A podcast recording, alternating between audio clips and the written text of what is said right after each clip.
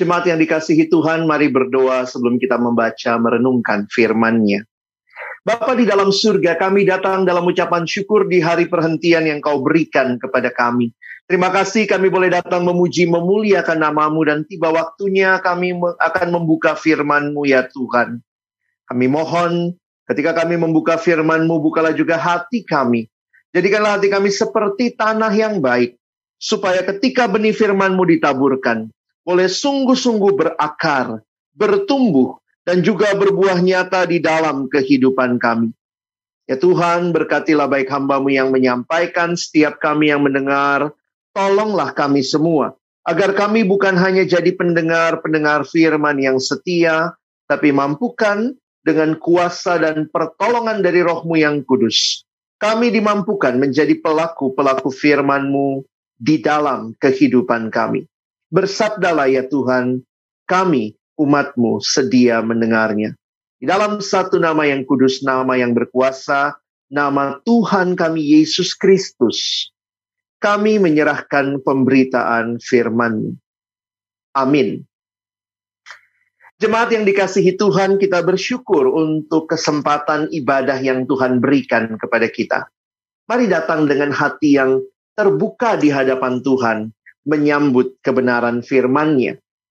Tema yang diberikan kepada kita adalah tentang kenyamanan yang mematikan. Jika kita melihat di dalam situasi kehidupan kita, ada begitu banyak hal yang mungkin membawa kenyamanan bagi kita. Tetapi pertanyaannya, apakah hal-hal tersebut kita waspadai? Karena ada kenyamanan-kenyamanan yang bisa mencelakakan kita. Contohnya, tidur. Wah, tentu tidur itu nyaman, Bapak Ibu Saudara yang dikasihi Tuhan. Dan mungkin jadi pertanyaan bagi kita, pernahkah kita tertidur di dalam ibadah? Wah, ini sering kali memang menjadi pergumulan bagi beberapa orang yang datang beribadah, apalagi kalau ikut ibadah umum pagi hari.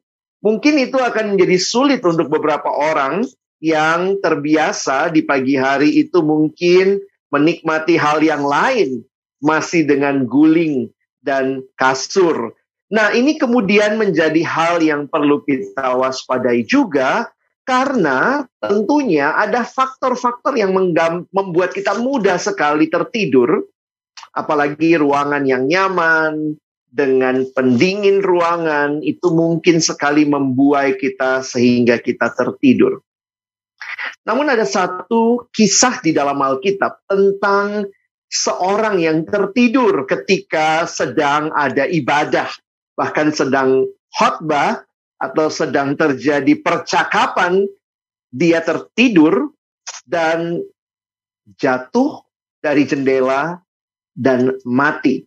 Nah, tentu itu sebuah hal yang mengerikan sama-sama kita akan melihat kisah ini dan nanti kita akan coba refleksikan juga di dalam pengalaman dan pergumulan kita sebagai jemaat Tuhan masa kini.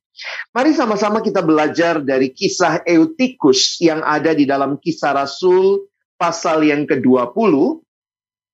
Kita akan membaca kisah Rasul 20 ayat yang ke-7 sampai dengan ayat yang ke-12. Saya akan bacakan bagi kita sekalian. Pada hari pertama dalam minggu itu, ketika kami berkumpul untuk memecah-mecahkan roti, Paulus berbicara dengan saudara-saudara di situ karena ia bermaksud untuk berangkat pada keesokan harinya. Pembicaraan itu berlangsung sampai tengah malam. Di ruang atas, di mana kami berkumpul, dinyalakan banyak lampu seorang muda bernama Ayutikus duduk di jendela. Karena Paulus amat lama berbicara, orang muda itu tidak dapat menahan kantuknya. Akhirnya ia tertidur lelap dan jatuh dari tingkat ketiga ke bawah. Ketika ia diangkat orang, ia sudah mati. Tetapi Paulus turun ke bawah ia merebahkan diri ke atas orang muda itu, mendekapnya dan berkata, "Jangan ribut, sebab ia masih hidup." Setelah kembali ke ruang atas, Paulus memecah-mecahkan roti lalu makan. Habis makan, masih lama lagi ia berbicara. Sampai fajar menyingsing. Kemudian ia berangkat. Sementara itu, mereka mengantarkan orang muda itu hidup ke rumahnya, dan mereka semua merasa sangat terhibur. Sedemikian jauh pembacaan firman Tuhan. Jemaat yang dikasihi Tuhan, apa yang terjadi di dalam cerita ini bisa kita sama-sama coba lihat kembali di dalam konteksnya. Pada waktu itu Paulus sedang berada di Troas. Satu minggu dia ada di sana dan dia menguatkan jemaat sebelum dia melanjutkan perjalanan misinya. Nah, apa yang menarik yang kita perhatikan di dalam bagian ini, yang dituliskan di ayat yang ketujuh, pada hari pertama dalam minggu itu ketika kami berkumpul untuk memecah-mecahkan roti. Paulus berbicara dengan saudara-saudara di situ karena ia bermaksud untuk berangkat pada keesokan harinya. Pembicaraan itu berlangsung sampai tengah malam. Kemungkinan besar ini terjadi sejak sore atau malam hari dan Paulus berbicara kepada mereka sampai tengah malam.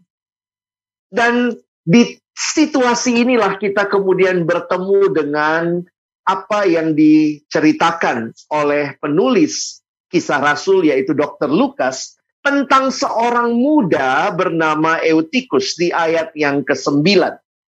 Seorang muda bernama Eutikus duduk di jendela. Eutikus ini adalah seorang muda. Istilah orang muda yang digunakan di sini itu biasa dikenakan kepada orang-orang atau yang anak-anak yang berusia antara 10 sampai 17 tahun. Jadi dia masih muda. Hal lain yang menarik tentang nama Eutikus sendiri di dalam bahasa Yunani namanya berarti beruntung, lucky. Dan memang cerita ini kalau kita melihat dia dia beruntung ya karena Tuhan menghidupkan dia kembali setelah terjatuh dari lantai tiga. Tetapi nama Eutikus juga menurut para penafsir adalah nama yang biasa untuk para budak pada waktu itu. Sehingga kemungkinan besar Eutikus adalah seorang budak. Nah, apa yang terjadi pada Eutikus? Mungkin kalau kita baca ceritanya Bapak Ibu Saudara, kita melihat wah dia sih ngantuk. Tapi coba kalau kita lihat hidup kita, kita lihat diri kita, pernahkah juga kita ngantuk di dalam ibadah? Apa yang mungkin membuat kita ngantuk? Saya pikir juga kita harus waspada dengan hal-hal yang membuat kita mudah mengantuk. Para penafsir Alkitab mencoba merekonstruksi mengapa seorang Eutikus yang masih muda bisa mengantuk begitu rupa sampai bahkan jatuh dan meninggal dunia.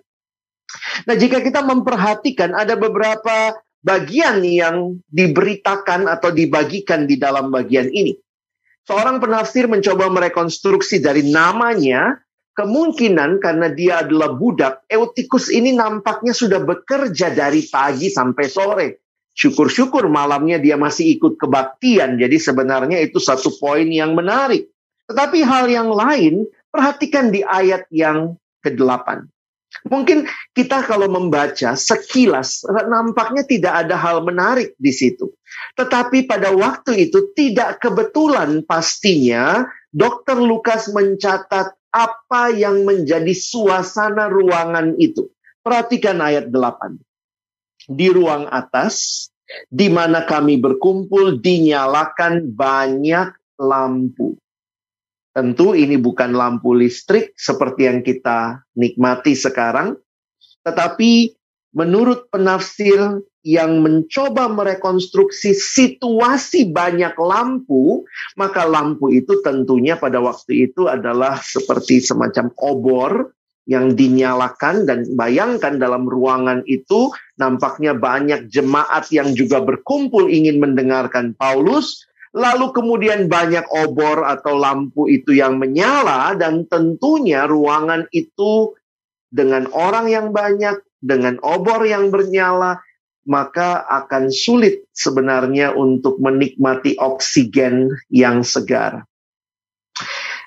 Eutikus memilih duduk di jendela dan kemungkinan juga itu menolong dia menikmati udara yang segar dari luar ruangan. Tetapi situasi itu ternyata tidak mudah. Jadi bayangkan Eutikusnya mungkin sudah bekerja cukup melelahkan dari pagi hingga sore. Suasana ruangannya juga secara biologis kalau oksigen kurang, orang cenderung cepat mengantuk. Ditambah lagi, dituliskan di dalam bagian ini, karena Paulus amat lama berbicara. Jadi memang ini semua faktor mendukung Bapak Ibu sekalian ya. Tentu kita sulit sekali mencari siapa yang salah. Ini masalah pembicaranya kelamaan. Ini masalah eutikusnya kecapean. Ini masalah siapa, siapa yang salah. Sehingga bukan itu fokus kita. Tetapi kalau kita perhatikan, akhirnya eutikus sebenarnya berjuang. Perhatikan istilah yang digunakan. Orang muda itu tidak dapat menahan kantuknya. Berarti mungkin sebelumnya dia sudah berjuang menahan sehingga akhirnya ia tertidur lelap dan jatuh dari tingkat ketiga ke bawah. Jadi ini sebuah situasi yang tentunya mengagetkan untuk orang-orang yang ada dalam ruangan ketika mungkin mendengar atau ada yang melihat Eutikus jatuh dari tingkat ketiga pada masa itu ya paling tidak seorang penafsir berkata itu pasti lebih dari 6 meter dan akhirnya mati. Apa yang terjadi kalau kita perhatikan ketika ia diangkat orang ia sudah mati. Dan Paulus menghentikan khotbahnya ayat 10, tetapi Paulus turun ke bawah ia merebahkan diri ke atas orang muda itu, mendekapnya dan berkata, saya pikir di dalam iman Paulus yakin, jangan ribut sebab ia masih hidup. Ini sebuah mujizat kebangkitan yang terjadi melalui kehadiran Paulus. Perhatikan kemudian ayat 11. Nah, bagi saya ini cukup menarik. Setelah kembali di ruang atas, jadi Paulus ternyata naik lagi Paulus memecah-mecahkan roti lalu makan. Habis makan ia masih lama lagi ia berbicara karena besoknya dia harus pergi ya. Sampai fajar menyingsing kemudian ia berangkat. Jadi kalau kita perhatikan menarik sekali untuk melihat bagaimana Paulus begitu merindukan menyampaikan banyak hal kepada jemaat dan dia memakai waktu itu. Tentunya peristiwa bangkitnya kembali Eutikus itu membuat sukacita yang besar sehingga dikatakan mereka kemudian memecah-mecahkan roti lalu makan. Dan perhatikan ayat 12. Sementara itu mereka mengantarkan orang muda itu hidup. Jadi ini orang mudanya nggak mati ya. Orang muda itu hidup ke rumahnya dan mereka semua merasa sangat terhibur. Jemaat yang dikasihi Tuhan, kisah ini bagi saya cukup menarik untuk kita coba refleksikan secara khusus dari pengalaman Eutikus. Tentunya sebagai seorang tokoh yang tidak banyak diceritakan di bagian lain atau tidak ada diceritakan di bagian lain kecuali di dalam kisah Rasul 20, maka pengalaman Eutikus ini juga semacam peringatan bagi kita untuk kita waspadai tentunya bagi kehidupan masing-masing kita. Apakah hal-hal yang mungkin mengalihkan fokus kita ketika kita sedang beribadah? Kita mungkin tidak mencari siapa yang salah dari situasi Eutikus, tetapi kisah ini memberikan peringatan kepada kita bahwa ada hal-hal yang di dalam kehidupan kita khususnya ketika kita beribadah, mungkin sekali mengalihkan fokus kita dan kemudian membuat kita menjadi orang yang terlena dengan hal tersebut. Secara khusus bagi kita yang ada di dalam masa-masa ibadah secara online, penting untuk kita tanyakan hal-hal apakah yang membuat kita teralihkan ketika kita beribadah. Adakah hal-hal yang bisa kita usahakan supaya kita bisa menikmati sebuah ibadah yang di dalamnya kita secara fokus bisa datang kepada Allah, menikmati kehadiran Allah di dalam ibadah. Jemaat yang dikasihi Tuhan, situasi yang ada di sekitar kita tidak semuanya bisa kita kontrol. Misalnya kondisi tertentu yang terjadi di sekitar kita, seperti yang dialami mungkin oleh Eutikus waktu itu, suasana ruangan yang mungkin tidak senyaman yang diharapkan karena banyak orang yang datang, suasana lampu yang dinyalakan sehingga tidak bisa juga mengontrol oksigen yang di dalamnya. Saya yakin bahwa pastinya tidak hanya Eutikus yang ngantuk Bapak Ibu sekalian. Apalagi kalau kita lihat memang Paulus berbicaranya cukup lama dan sampai tengah malam. Itu bukannya waktu untuk tidur. Sehingga situasi itu sering kali memang tidak bisa kita kontrol. Tetapi kita bisa mengontrol diri kita. Dan saya pikir ini juga yang perlu sama-sama kita upayakan di dalam kita merefleksikan kisah ini bagi hidup kita di masa kini. Apakah ada hal-hal yang ketika tidak kita atasi, tidak kita kontrol, tidak kita disiplinkan diri kita, itu menjadi hal-hal yang mungkin mengalihkan kita untuk menikmati ibadah secara penuh, secara fokus, memberi yang terbaik kepada Tuhan. Sebagai contoh, di tengah-tengah situasi online ini kadang-kadang kita merasa ibadah itu gampang sekali ya, tinggal buka HP, nyalakan, saya sudah beribadah. Tetapi ketika kita beribadah, apakah kita mungkin masih mengantuk? Bisa jadi. Kenapa? Karena tadi malam mungkin kita nonton ya, entah kita nonton uh, olahraga, nonton drama Korea, nonton hal-hal lain yang rasanya di masa-masa pandemi ini karena gerejanya juga masih online, rasanya waktu mau ke gereja nggak usah persiapan yang cukup lama. Biasanya kalau onsite kita mesti bangun lebih pagi, kita harus mandi, sehingga waktu kita datang ke gereja itu pun masih mungkin ngantuk Bapak Ibu sekalian. Nah dalam situasi yang online seperti ini kita harus waspada. Mungkin ketika kita langsung menyalakan device kita tanpa mandi pun bisa ibadah. Tapi jangan-jangan itu situasi yang membuat kita lebih mudah mengantuk. Atau mungkin Bapak Ibu sekalian mengatakan, oh kalau saya mah tidak seperti itu. Saya tetap ibadah. Saya tetap melihat apa yang ada di layar. Tetapi jangan-jangan juga ketika kita beribadah, fokus kita teralihkan dengan pesan yang masuk ke WhatsApp kita. Kita teralihkan dengan status orang di IG sehingga tanpa sadar sambil beribadah, sambil membuka hal-hal yang lain. Dan ya kita tahu dalam realitanya kalau kita ikutin terus lama-lama makin jauh makin jauh malah ngecek status orang ketimbang kita fokus kepada ibadah.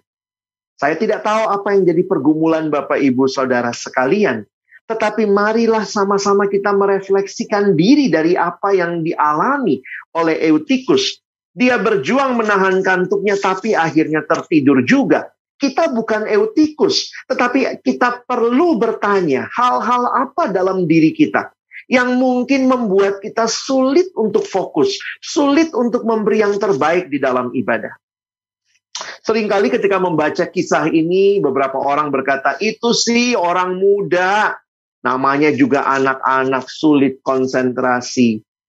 Tetapi ini juga bagian yang perlu kita pikirkan sebagai orang dewasa, sebagai orang tua, karena kita semua yang rindu datang beribadah kepada Allah. Mari kita atasi berbagai tantangan-tantangan yang kita alami. Apa yang jadi komitmen kita? Mari kita memberikan komitmen yang terbaik sehingga firman Tuhan hari ini bukan hanya menjadi pengetahuan, tetapi mari secara pribadi setiap kita mengevaluasi diri di hadapan Tuhan. Adakah hal-hal yang kita selama ini nikmati dan lakukan, tetapi ternyata kita tahu itu bisa mengalihkan kita dari fokus kepada Tuhan? Mungkin Bapak Ibu Saudara ada yang berkata, "Baik, saya akan coba tidur lebih awal sebelum beribadah pada hari Minggu." Itu hal yang baik. Bapak Ibu yang paling tahu berapa jam tidur yang Bapak Ibu butuhkan. Mungkin ada yang berkata saya akan komitmen mematikan notifikasi di HP, di laptop pada waktu beribadah hari Minggu. Mungkin juga ada yang berkata saya akan mandi sebelum ibadah karena itu menolong saya fokus dan segar. Saya tidak tahu apa yang Bapak Ibu perlu lakukan, tapi Bapak Ibu saudara jemaat kekasih Tuhan yang tahu apa yang perlu kita lakukan. Sehingga firman Tuhan hari ini bukan hanya menjadi pengetahuan, bukan hanya kita melihat, wah itu si Eutikus ya, ketiduran waktu ibadah. Tetapi kita pun juga bisa merefleksikan bagaimana kesempatan ibadah, kesempatan hidup yang Tuhan berikan, boleh kita persembahkan yang terbaik bagi Tuhan. Saya rindu kita semua boleh menjadi bukan hanya pendengar, tetapi pelaku-pelaku firman, karena kita melakukannya di kehidupan keseharian kita. Eutikus tidak banyak dibahas di Alkitab, tetapi kisahnya nampaknya menjadi satu kisah yang penting untuk kita ingat, untuk kita refleksikan dan bukan mencari kesalahan eutikusnya, tapi lihatlah bagaimana diri kita juga boleh merefleksikan bagaimana memberi yang terbaik kepada Tuhan di dalam ibadah-ibadah kita. Kiranya Tuhan menolong kita. Amin. Mari kita berdoa. Bapa di dalam surga, terima kasih banyak buat kesempatan yang Tuhan berikan kami boleh mendengar firman-Mu. Kami boleh diteguhkan juga dari situasi yang kami refleksikan dari tokoh Eutikus. Tidak banyak dibahas, tetapi ketika kami mencoba melihat menggalinya, kami pun ditolong untuk merefleksikan kehidupan kami masing-masing di hadapan Tuhan. Kami sungguh berdoa, tolonglah kami Tuhan, baik kami yang muda, kami yang dewasa, yang tua sekalipun, semua kami, jemaatmu, untuk benar-benar fokus kepada Tuhan, memberi yang terbaik kepada Tuhan di dalam ibadah-ibadah kami. Tolong langkah-langkah kecil tetapi penting yang kami ambil, kami komitmenkan untuk kami lakukan. Sehingga pada akhirnya, sekali lagi, kami bukan hanya jadi pendengar saja, tapi boleh jadi pelaku-pelaku firman.